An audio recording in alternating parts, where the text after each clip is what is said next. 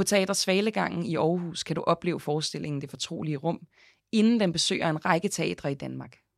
Instruktør og producent Ina Miriam Rosenbaum står bag forestillingen, der med satire, dokumentarisme og dramatik stiller skarpt på, hvad offentlighedsloven betyder for os, vores hverdag og vores demokrati. Podcastserien er lavet i et samarbejde mellem Projekt Glemmebogen og Jul og Brunse og er støttet af Bikubenfonden. Fonden. Kunne da godt øh, have protesteret. Det gjorde vi så ikke på det øh, tidspunkt, fordi i bund og grund synes jeg, det er rigtigt, at forløbige overvejelser mellem embedsmænd, at det skal man kunne holde fortroligt. Det synes jeg er rigtigt. Mørklægningsloven, lukkethedsloven, det fortrolige rum, lyssky, udemokratisk, nødvendig. Udskældt lov har mange navne, mange adjektiver. Den nye offentlighedslov, som blev vedtaget af Folketinget i 2013, har både før og efter sin fødsel været genstand for et havlvær af kritik fra eksperter, journalister, borgere og politikere. Men hvorfor havde vi brug for en ny lov om, hvor meget vi kan følge med i, hvad der foregår på Christiansborg? Hvem havde interesse i at lukke for offentlighedens skue? Og hvem kæmpede for mere åbenhed? Hvad har konsekvenserne ved loven været? Alt det vil jeg forsøge at finde ud af, når jeg i løbet af tre afsnit taler med personer, der alle sammen på den ene eller anden måde har aktier i den lov, vi kender som offentlighedsloven. Mit navn er Camilla Boracchi. Jeg er journalist og vært på podcastserien Projekt Glemmebogen. I første afsnit skruer vi tiden tilbage til 2002. Vi skal møde en af dem, der var med til at udforme det forslag, som den nye offentlighedslov baserer sig på. Han vil tage os med på lovens rejse, hvor særligt paragraf 24, også kendt som ministerbetjeningsreglen, endte med at fylde mere end både han og de fleste andre havde forestillet sig. Ole Jørgensen er jurist og offentlighedsrådgiver og forskningschef emeritus ved Danmarks Medie- og Journalisthøjskole. Jeg har interesseret mig for offentlighedsloven øh, i mange år. Jeg vil sige, det har været mit favoritemne i øh, 40 år cirka. I sin egenskab af pressejurist blev Olof i 2002 medlem af den kommission, som var nedsat af politikerne for at komme med et bud på en ny lov. Kommissionen havde altså kæmpe indflydelse på, hvordan loven endte med at se ud. For godt 20 år siden, under Anders Foghs regeringstid, tog daværende justitsminister Lene Espersen initiativ til at nedsætte en kommission, som skulle forny den danske offentlighedslov fra 1985. Offentlighedsloven er kort fortalt en lov, der skal regulere agtindsigt for personer, der ikke er part i sagen, herunder borgere og journalister. Olof Jørgensen var et af de 21 medlemmer, som skulle finde ud af, hvordan man kunne gøre offentlighedsloven bedre, mere moderne, mere passende til den danske selvforståelse med frihed, åbenhed, gennemsigtighed og demokrati. Men ifølge kritikere endte det helt, helt anderledes. Særligt en paragraf er blevet voldsomt udskilt. Paragraf 24, som også er kendt som ministerbetjeningsreglen. Måske har du hørt om den. Hvis ikke, så kan jeg lige læse den op for dig her. Retten til agtindsigt omfatter ikke interne dokumenter og oplysninger, der udveksles på et tidspunkt, hvor der er konkret grund til at antage, at en minister har eller vil få behov for embedsværkets rådgivning og bistand mellem 1. Et ministeriums departement og dets underordnede myndigheder. 2. Forskellige ministerier. Kort sagt, paragrafen betyder, at dokumenter, der udveksles mellem ministerier og deres underliggende myndigheder, kan undtages fra agtindsigt. Ifølge kritikerne en kæmpe begrænsning af demokratiet. Men hvorfor foreslog Olof Jørgensen ikke at fjerne den kontroversielle og forhatte paragraf, da han havde chancen? Hvad skete der? Og var Olof klar over konsekvenserne? Jeg kom med i offentlighedskommissionen, som jo startede i 2002, øh, ved at jeg blev udpeget af Justitsministeriet den daværende ombudsmand, som øh, blev formand for kommissionen, Hans Gamtoft Hansen, har fortalt mig senere, at han øh, insisterede på, at jeg skulle med i kommissionen. Alle møder foregik i København. Jeg lige tror, jeg var det eneste medlem, der ikke boede i Københavnsområdet. Jeg tog jo øh, flyet, fordi jeg bor i Aalborg. Men jeg var med i alle 49 møder i kommissionen plus de 18 i udvalg. Bortset fra to, hvor Aalborg Lufthavn var spærret, og Den ene gang på grund af snestorm, den anden gang fordi der var et fly, der var havareret under temmelig dramatiske omstændigheder nødlandet øh, aften før, og lufthavnen var spærret. Så 49 plus 18 minus 2, det giver 65. Jeg har deltaget i 65 møder og med fly fra Aalborg. Der var 21 medlemmer af kommissionen. Der var mange, der repræsenterede forskellige ministerier, myndigheder, kommuners landsforening osv. Men øh, så var vi øh, ni, som lavede en gruppe. Det var øh, repræsentanter for danske medier, for Journalistforbundet, Institut for Menneskerettigheder, repræsentanter for højskolerne. Det tog jo syv år. Det var rigtig mange møder. Internt i kommissionen er der uenighed. Man er enig om paragraf 24, men uenig om andre punkter i loven, som ifølge Olof Jørgensen skal bløde paragraf 24 op. Fordi man ikke kan nå til enighed i kommissionen, skriver Niemandsgruppen dissenser, altså indsigelser, på tre punkter. Første dissens. Niemandsgruppen ville sikre agtindsigt i dokumenter fra ministerier, som er beslutningsgrundlag for ordførerkredse, der laver bindende aftaler med ministre om lovgivning. Anden dissens. De krævede også, at undtagelsen for ministerbetjening blev begrænset, så der kunne sikres offentlighed om beslutningsgrundlaget. 3. dissens. Niemandsgruppen ville også have adgang til ministerkalenderen og stillede et forslag, der kunne sikre offentlighed om vigtige ministeraktiviteter. Olof Jørgensen forklarer her, hvorfor de gjorde indsigelser. Det mindretal, som jeg øh, var med i Niemandsgruppen, vi tog jo øh, afstand på tre øh, punkter. Og øh, det ene var dokumenter, der går fra et ministerium til enkelte medlemmer af Folketinget, typisk en forligskreds. Der var tidligere offentlighed, og det lukkede man fuldstændig for. Paragraf 27, det tog vi afstand fra. Det andet var omkring de faglige vurderinger i endelig form.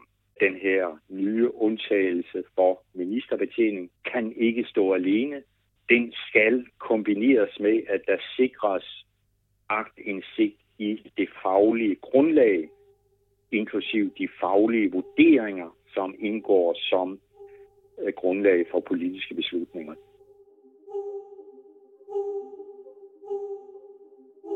Det, som Olof taler om her, er den såkaldte paragraf 24 i offentlighedsloven, også kendt som ministerbetjeningsreglen. Den regel, som har medvirket til, at kritikerne har døbt offentlighedsloven mørklægningsloven. Kort fortalt betyder paragrafen, at journalister og borgere ikke kan få adgang til dokumenter, der udveksles mellem ministerier og deres underliggende myndigheder. Men Olof og hans nimandsgruppe ville altså sikre sig, at ministerbetjeningsreglen ikke blev altomfattende, men at der var huller, hvor man alligevel kunne få agtindsigt. Den sidste ting i loven, som Olof Jørgensen tog afstand fra, var, at der ikke længere var adgang til ministres kalendere. Af de syv år, som øh, kommissionen arbejdede, så øh, vedtog øh, Folketinget faktisk pludselig en undtagelse for ministerkalenderen. Der var øh, på det tidspunkt mange journalister, øh, der fik øh, lyst til at søge agtindsigt i ministerkalenderen og fik indblik blandt andet i den daværende konservative partiformand Ben Benson, der var det agtindsigt i hans ministerkalender en øh, oplysning om en jagttur, han skulle på med interesserepræsentanter forskellige folk. Og øh, det var en af historierne, men der var en, en stribe journalistiske historier der omkring 2007, 8 9. Og der vedtog øh, Folketinget så før offentlighedskommissionen var færdig en øh, undtagelse for ministerkalender. Så fik vi jo den over i offentlighedskommissionen, og det endte jo i øvrigt med, at øh, flertallet mente, det skulle så ikke kun være ministerkalender, men alle kalendere, også for borgmestre og for embedsmænd, øh, skulle undtages fra agtindsigt. Det protesterede vi også imod. I en ministers kalender står der alt fra tandlægebesøg til vigtige møder med for eksempel interesserepræsentanter. Og netop det sidste mente Olof Jørgensen og Niemandsgruppen, at der burde være offentlig adgang til. Men også det blev der lukket for med den nye lov. Særligt to ud af de tre indsigelser fra Niemandsgruppen var vigtige for Olof Jørgensen. De skulle nemlig ifølge Niemandsgruppen bløde paragrafen lidt op. Paragraf 24 er den nye paragraf, som har fået størst omtale. fordi det er en meget bred undtagelse, som omfatter, hvad der udveksles mellem ministerier og mellem departementer og styrelser og på tværs af ministerier om sager, som kan ende på ministerens bord. Og det kan jo faktisk alle sager. Men denne undtagelse har dog to begrænsninger, og de er meget vigtige, eller burde være meget vigtige. De er jo så blevet udtyndet. Der er to forskellige paragrafer. En for faktiske forhold, som skal udleveres på et hvilken som helst tidspunkt af en sag. Det er for eksempel øh, oplysninger om, hvordan er trafiktællinger. Det kan også være oplysninger om økonomi, hvor mange penge koster det ene og det andet. Hvis vi tænker på øh, coronasituationen, så er det jo omkring udvikling, smitteudviklingen, dagens smittetal osv. osv. Det er oplysninger faktisk i forhold, men, men der er selvfølgelig her gråzoner. Og det andet, som blev et meget varmt emne i offentlighedskommissionen, det er faglige vurderinger.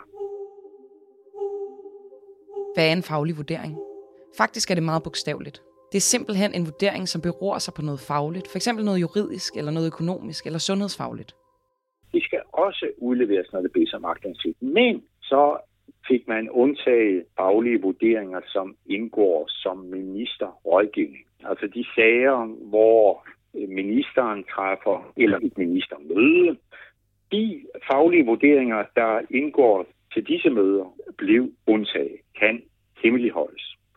Og det er jo de vigtigste. Og det har været det helt centrale spørgsmål for Niemandsgruppen i Offentlighedskommissionen. Og der lavede vi en dissens, altså en mindretalsudtalelse i kommissionen. Faglige vurderinger og faktiske forhold. Det var det, der var og er vigtigt for Olof Jørgensen, når vi snakker om ministerbetjeningsreglen, paragraf 24. Kritikerne ville have paragrafen fjernet fra offentlighedsloven, fordi den selv med lempelser i praksis vil kunne omfatte langt de fleste dokumenter. Men paragraf 24 har sin berettigelse, mener Olof Jørgensen. Og lad os høre hvorfor. Det lå i opgavebeskrivelsen for offentlighedskommissionen, at der var behov for et tættere samarbejde i mange sager mellem ministerier. Og der er et behov for, at embedsmænd under forberedelsen kan drøfte nogle idéer til, kan vi gøre sådan og sådan. Det stod øh, direkte i opgavebeskrivelsen, at det skulle der være bedre muligheder for at kunne gøre uden offentlighed om forberedelsen. Og det var netop denne her del af opgavebeskrivelsen, der blev grundlaget for paragraf 24. Men ringede alarmklokkerne hos Offentlighedskommissionen? Og hvordan kunne en juraekspert ikke være imod hele paragraf 24, når så mange andre eksperter var dybt bekymrede og ønskede den fjernet? Vi kunne da godt uh, have protesteret. Det gjorde vi så ikke på det øh, tidspunkt, fordi i bund og grund, og nu taler jeg så fra egne vegne, synes jeg, det er rigtigt, at forløbige overvejelser mellem embedsmænd, at det skal man kunne holde fortroligt. Det synes jeg er rigtigt, fordi man ikke tør tænke højt. Hvis det er sådan, at man ved, alt, hvad jeg får af idéer, så tør man ikke tænke højt, hvis ens første tanker, øh, umodne tanker, at de bliver genstand for offentlighed. Der er meget få, som er i stand til at sætte sig ud over det og sige, jamen selv mine forløbige tanker, det må hvem som helst få at vide. Det vil ikke være godt. Politikere skal jo have et frirum til at drøfte sagerne og forhandle. Og det sidste er jeg jo fuldstændig enig i. Men det, der ikke kommer frem, det er, at man altså også skjuler det faglige grundlag. Og det er det, der er galt. Men hvordan kan man det? Det kan man, ifølge Olof Jørgensen og Niemandsgruppen, fordi paragraferne om det faglige grundlag og faktiske forhold blev for svagt formuleret i selve loven, og dermed bliver paragraferne udvandet og ubetydelige i praksis. Men hvordan kunne loven blive vedtaget med al kritikken og mindretalsudtalelserne fra Niemandsgruppen? Ifølge Olof Jørgensen var en af grundene, at politikerne begyndte at føre lov igennem på en ny måde. Det blev klart for ham efter et møde i kommissionen, hvor han mødte en embedsmand i et hjørne af Christiansborg. Embedsmanden fortæller Olof Jørgensen om, hvordan politikere har ændret processen for, hvordan de vedtager lov. Vi sagde jo diskuterede de forskellige øh, emner omkring offentlighed, hvad der kan hemmeligholdes, og der husker jeg, at i en pause, at en embedsmand, der orienterede mig grundigt om, hvor vigtig en ændring der var sket i den politiske beslutningsproces ved at man gik over til at indgå bindende politiske forlig, før der bliver fremsat lovforslag. Og så fortæller han mig om betydningen af denne her ændring. Det er en ændring, som faktisk har forfatningsmæssig betydning, men det er jo ikke noget, der er så står i grundloven eller er vedtaget i, i Folketinget, men det er kommet snigende. Altså det betyder jo, at Folketinget ikke længere har afgørende indflydelse på den politiske beslutningsproces, den afgørende indflydelse, Folketinget tidligere havde på de enkelte lovforslag, har Folketinget ikke længere. Den er ført over i ministernes kontorer, hvor den enkelte minister inviterer ordfører for de partier, der skal indgås et forlig. Jeg husker også, at en embedsmand fortalte mig, at jeg synes egentlig, det er forkert. Det er jo en kortslutning af den demokratiske proces. Den her nye måde at indgå politiske aftaler på, fik også betydning for offentlighedsloven. Det første lovforslag, som blev fremsat af Barfod sent i 2010, og der var der ikke indgået et politisk forlig. Det var den gamle, klassiske metode. Regeringen fremsatte et lovforslag, og så var der en livlig behandling i Folketingets retsudvalg. Så fik vi et nyvalg og fik en ny regering, og så fremsatte justitsminister Bødskov forslag til offentlighedslov sent i 2012. Men der var der indgået et bindende politisk forlig mellem regeringspartierne, Socialdemokratiet, Radikale og SF og Venstre og Konservative. Første gang en minister prøver at få loven igennem, bliver den altså nedstemt. Og justitsminister Lars Barfod må gå skuffet fra Folketingssalen ifølge Olof Jørgensen på grund af den livlige og kritiske debat i Folketinget og i offentligheden. Der er kritik fra alle sider.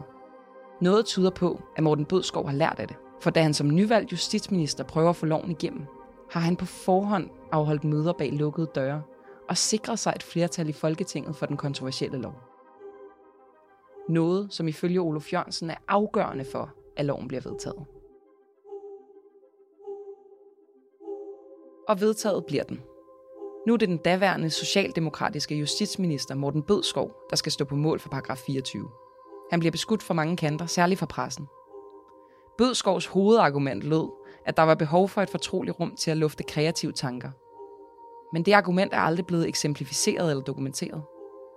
Det viste blandt andet daværende vært på DR2's Deadline Martin Krasnik, da han interviewede Morten Bødskov forud for den nye offentlighedslovs vedtagelse. Hvor er det i det konkrete eksempel, at jeres fortrolighed, hvad ved jeg, blev på en eller anden måde udsat for et, et lys, der var for meget for jer. Hvad, Men, kom, fortæl, hvad var det, der skete, der gik galt? Jamen, det er et tænkt eksempel. Det er en arbejdsproces, som jeg besøger, forsøger at beskrive for dig i en hverdag, som er ekstremt hektisk for minister, hvor jeg sidder men, altså og besvarer men hvorfor kommer, du ikke med et, hvorfor kommer du ikke med et konkret eksempel? Det her, det er 28 gange spurgte Martin Krasnik efter et eksempel. Og 28 gange fik han ikke noget svar. Olof Jørgensen er enig med de fleste kritikere i én ting. Efter lovens effektuering er skodderne blevet lukket. Adgangen til agtindsigt i vigtige beslutningsprocesser er i meget vidt omfang blevet begrænset. Men hvem er det egentlig, der vinder med lukketheden? Egentlig synes jeg ikke, det er politikerne. Fordi øh, når man lukker for det faglige grundlag, så bliver politikerne, der sidder i regeringen eller i en forligskreds, helt afhængige af det, de får fra embedsmændene. Fra og det er de øverste embedsmænd. Og øh, politikerne ville være tjent med, at der var åbenhed omkring det faglige grundlag. Fordi så ville der jo være rum til, at andre udefra kan sige, hov, jamen, vi har da helt overset, hvordan det foregår i praksis. Det har vi jo slet ikke taget højde for. Og det vil politikerne få ind på banen, før de træffer beslutninger. Nu træffer politikerne beslutninger i meget høj grad udelukkende på det grundlag, de får fra embedsmænd. Og i bund og grund er min vurdering, at den gruppe, der har størst interesse af det, det er de øverste embedsmænd i ministerierne de får jo en utrolig stærk magt, når det grundlag, de præsenterer for regeringens koordinationsudvalg eller en politisk forligskreds hemmeligholdes. Aftalerne er på plads. De er indgået i et bindende politisk forlig nu, og kan altså kun meget svært omgøres. Derfor bliver loven i 2013 vedtaget i Folketinget med en forligskreds bestående af Socialdemokratiet, Venstre, Konservative, SF og Radikale Venstre. Den 1. januar 2014 trådte den nye offentlighedslov i kraft.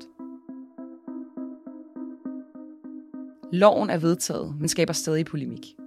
I sin grundlovstale i 2016 siger daværende leder af Radikale Venstre Morten Østergaard. Vi giver forligskredsen med os selv, samt Socialdemokratiet og Venstre, 12 måneder til at nå til enighed om en ny ordning af den grundpille i demokratiet, som offentlighedsloven udgør. Ellers må vi søge vores flertal andet steds. Men det lykkedes ikke for Østergaard. I 2018 hoppede en anden politiker ind i lovens vipserede. Den konservative justitsminister Søren Pape Poulsen fremlægger, at han ønsker at lempe ministerbetjeningsreglen. Og Olof Jørgensen får omveje indsigt i det nye forslag, selvom han ikke har adgang til det, og selvom det er strengt fortroligt. Så kommer der jo et udspil fra Justitsministeriet, og så sidder de og holder en del møder om det. På et tidspunkt fik jeg indsigt i det forslag, selvom det foregik virkelig bag lukkede døre, og man gjorde, hvad man kunne for, at det ikke slap ud. Men øh, heldigvis er det jo sådan, at der slipper noget ud alligevel. Og jeg fik indblik i det, og øh, kunne jo se, at det var et skridt frem og to tilbage. Men man øh, ændrede ministerbetjeningsregel par 24, begrænsede den, men så indførte man en ny paragraf, som udvidede det, uden at bruge udtrykket ministerbetjening. Så det var et skridt frem og to tilbage. Og det er typisk Justitsministeriet, og de er eminent dygtige men der blev jo så ikke noget for lige ud af det. Her var det jo så, at øh, Radikale og SF efterfølgende benyttede lejligheden til at opsige forliget. Et politisk forlig fungerer sådan, at det skal opsiges før et folketingsvalg. Så nogle forlig, de binder nemlig. Radikale og SF opsagde forliget om offentlighedsloven i 2018, og i 2019 var der folketingsvalg. Nu er de to partier uden for forligskredsen, men der er stadig flertal for forliget. Hverken konservative, Socialdemokratiet eller Venstre har nemlig opsagt forlidet. Endnu. Der er nogle love, som igen og igen bliver taget op til debat. Spørgsmålet om agtindsigt blev i efteråret 2021 højaktuelt igen, da redaktionschef på BT Jakob Friberg ville have adgang til sms'er, udvekslet mellem Mette Frederiksen og topembedsmand Barbara Bertelsen fra de dage, da beslutningen om, at alle mink i Danmark på grund af coronafare skulle slås ned, uden at man havde lovhjemmel til det.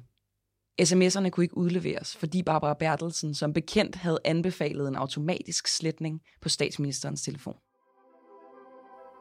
Det er usikkert, om paragraf 24 havde forhindret, at Mette og Barbaras korrespondence blev udleveret. Men det er fuldstændig sikkert, ifølge Olof Jørgensen, at det var i strid med reglerne at slette sms'erne. Agtindsigt forudsætter jo, at der er nogle dokumenter, dokumenter, det er et meget, meget bredt begreb, altså al skriftlighed, uanset om det er sms'er eller mail eller skrevet med fyldepen på et stykke papir. Men det vi kan se, øh, som virkelig er overraskende for mig i Mink-serien, det er, at sms er blevet brugt til sagsbehandling. Og de øverste embedsmænd, departementchefen i Justitsministeriet og tre højt placerede embedsmænd i statsministeriet og statsministerens sms'er er så systematisk blevet slettet. Og det burde selvfølgelig ikke. Det, det er jo helt indlysende, og det er i strid med reglerne om journalisering i offentlighedsloven. Og jeg synes, det er blevet tydeligt i øh, Mink-sagen og i en Støjberg-sagen, som rulles op for rigsretten, at der sker en sammenblanding af politiske vurderinger og faglige vurderinger. Det fremstår ikke klart, hvad der er det faglige grundlag. Man får det rodet sammen. Og det er utrolig skadeligt for kvaliteten i de politiske beslutninger. Nok dukker debatten om offentlighedsloven op med jævne mellemrum. Men stopper det ved debatten? Eller vil loven blive ændret? Vil vi få mere åbenhed i centraladministrationen, det vil sige den danske stat, der styrer landet i fremtiden? Det er systemets interesse, og derfor bliver det også umanerligt vanskeligt at øh, ændre på det. Og så længe Folketinget hele tiden spiller bolden over til Justitsministeriet, så sker der ingen ændringer. Altså Justitsministeriet har ansvaret for offentlighedslovgivningen, og den rolle varetager de øh, dygtigt. Når de sidder og arbejder i et øh, ministerium, og det handler om offentlighed, ikke offentlighed, så varetager de systemets interesse, og det bliver de ved med. Men hvad så med demokratiet?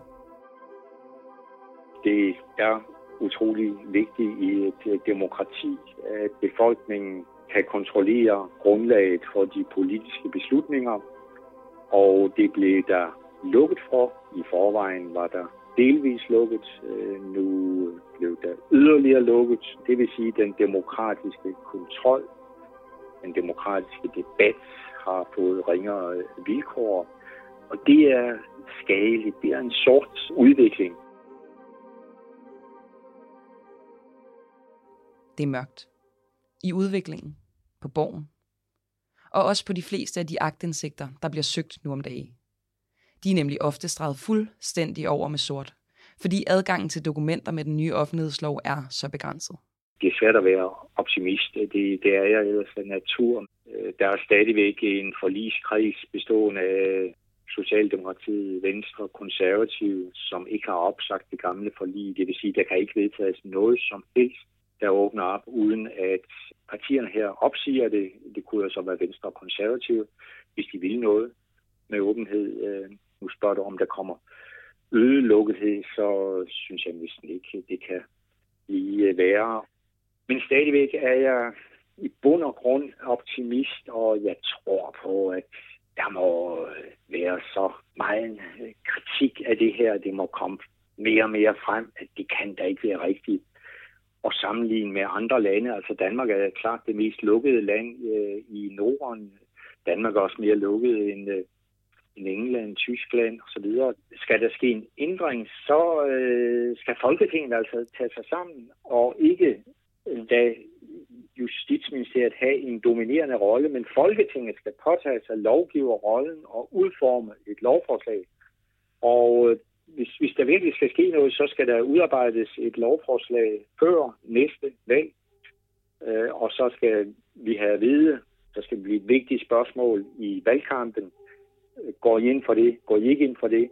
Så folket, borgerne, kan tage stilling til, vil vi fortsætte med den lukkethed omkring grundlag for de politiske beslutninger, eller vil vi have et åbent demokratisk samfund? Så selvom Olof Jørgensen ikke ønsker paragraf 24 fjernet, så mener han, at dens fortsatte eksistens kræver, at man får adgang til dokumenter med faktiske forhold og faglige vurderinger. Får man ikke det, vil Olof Jørgensen ikke bakke fuldt op om paragrafen. Det viste han og Niemandsgruppen allerede dengang den konservative justitsminister Lars Barfod fremsatte lovforslaget om en ny offentlighedslov første gang.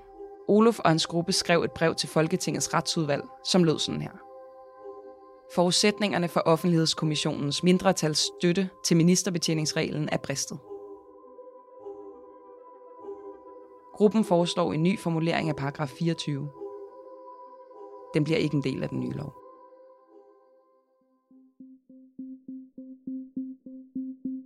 Nu har vi mødt en af lovens oprindelige skabere. En skaber, der i sidste ende også hoppede med på kritikernes vogn. Men politikerne lyttede ikke. De, der førte loven igennem, mener nemlig ikke, at den begrænser demokratiet. I næste afsnit skal vi høre fra manden, der forsøgte at få den nye offentlighedslov igennem i første omgang. Vi skal også høre, om Mette Frederiksen og hendes folk stadig er glade for loven.